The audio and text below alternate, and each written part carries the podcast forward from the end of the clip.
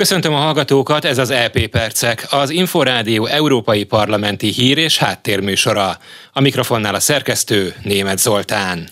Nem volt különösebb vita az EP Libe bizottságában a testület szeptemberi magyarországi látogatásáról készült jelentéssel összefüggésben. A Budapesten a magyar kormány mellett kiálló képviselők részt sem vettek a vitában. A küldöttség vezetője szerint magyar részről nem minden esetben könnyítették meg a nyílt párbeszédet. Gwendolyn Delbos Corfield úgy fogalmazott, a parlamentnek joga és kötelessége, hogy figyelemmel kövesse a helyzet alakulását. Az Európai Parlament nem beleszól a magyar belügyekbe, mert Magyarország 2004 óta az EU tagja. A magyar embereket minden intézményben képviselik, és éppen ezért a parlamenti felügyelet Magyarországra ugyanúgy vonatkozik, mint bármelyik másik tagállamra. A francia zöldpárti képviselő hangsúlyozta, igyekeztek kiegyensúlyozottan összeállítani azok listáját, akikkel tárgyalásokat folytattak. Ráadásul a delegációban mindegyik politikai frakció képviseltette magát. A kívánságok teljesítésének azonban voltak objektív akadályai, mert volt olyan a magyar kormányzat által javasolt szervezet, akiket az interneten sem sikerült fellelni. A politikus azt mondta, a Pegazus eset rámutatott arra, hogy az állam aktivistákat, újságírókat, jogászokat figyel meg. A küldöttség magyar tagja, a Momentumos Donát Anna, a Renew Europe képviselője is felszólalt. Szigorúan szakmai kérdésekre sem voltak hajlandóak válaszolni politikai indítatásból.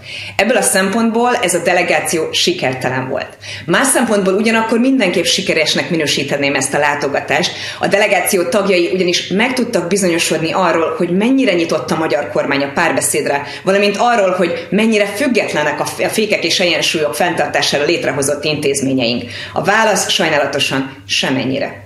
Az uniós ügyekért felelős magyar igazságügyi miniszter a bizottsági ülés előtt azt írt a közösségi oldalára, hogy Magyarország mindig tiszteletben tartotta az európai értékeket, a jogállamisági elvárásoknak mindig megfelelt.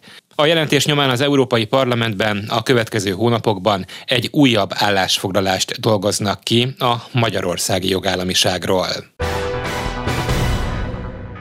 Újabb koronavírus elleni vakcinákat engedélyezhet az Európai Gyógyszerügynökség. A szervezet főigazgatója az Európai Parlament szakbizottságában beszélt az új Omikron nevű variánsról is. Emer Cook a Környezetvédelmi Közegészségügyi és Élelmiszerbiztonságért felelős bizottságának ülésén kifejtette, mivel a vírusok mutálódnak, az EMA tavaly február óta iránymutatást ad a vakcinagyártóknak az oltóanyagok gyors átalakítására a koronavírus új változataihoz. Az Európai Gyógyszerügynökség főigazgatója jelezte, sokkal több eszköz van most a kezükben, mint egy évvel ezelőtt. Az oltóanyagok továbbra is a legfőbb eszközök. Eddig négy vakcinát hagytunk jóvá, és további négyet vizsgálunk jelen pillanatban is. A Novavax oltóanyagát heteken belül engedélyezhetjük. Kevesebb, mint egy év alatt mintegy egy milliárd dózist szállítottak le az uniós tagországoknak. Írországban 90% felett van a beoltottak száma, azonban vannak olyan országok is, ahol még az 50%-ot sem éri el. Ide tartozik például Bulgária. So from the data we have seen and we continue to see the authorized vaccines remain effective. Azt látjuk tehát, hogy a jóváhagyott oltóanyagok jól működnek és megóvják az embereket a súlyos következményektől, így a haláltól is. Még akkor is, ha egyre jobban terjed az új variáns, a meglévő vakcinák védelmet nyújtanak. Viszont ezek hatékonysága idővel csökken, így szükség van egy úgymond megerősítő oltásra.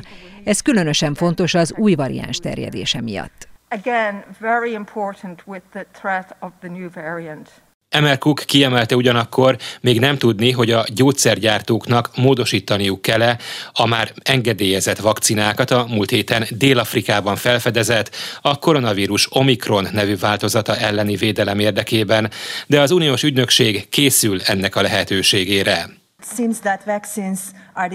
A Fideszes Tóth Edina független képviselő azt mondta, úgy tűnik, hogy jelenleg a vakcinák az egyetlen eszköz a kezünkben a koronavírus elleni harcban. Ennek komoly előnyei vannak az emberi élet megőrzésében. A képviselő úgy gondolja, minden körülmények között oltani kell. Hozzátette, az EMA asztalán vannak olyan vakcinák, amelyeket már egyes tagállamok használtak, és sok millió ember életét megmentették. Mégsem hagyják jóvá őket. Tóth Edina hangsúlyozta, hogy az ideológiai kérdéseket ilyenkor háttérbe kell szorítani. Az emlékeztető oltásokkal összefüggésben az EMA és a Járványvédelmi Központ egy héten belül közös ajánlást adhat ki arról, hogy milyen gyártótól származó vakcina lehet a leghatékonyabb a védőoltás harmadik adagjának. Az ügynökség a Novavax vakcináján kívül továbbra is vizsgálja az orosz Sputnik V-t, a Sanofi vállalat Vitpreftin nevű oltóanyagát, illetve a Sinovac vakcináját is.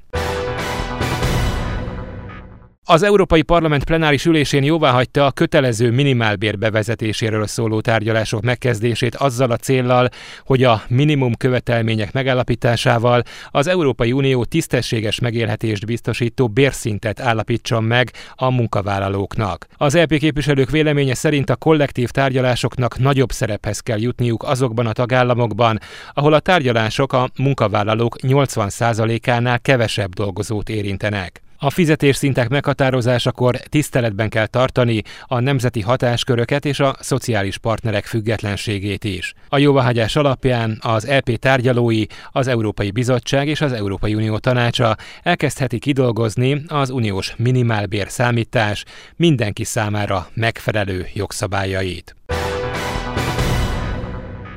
Ez volt az EP Percek, műsorunk meghallgatható és letölthető a szolgáltatók podcast csatornáin, valamint az infostart.hu internetes portál podcastok felületéről.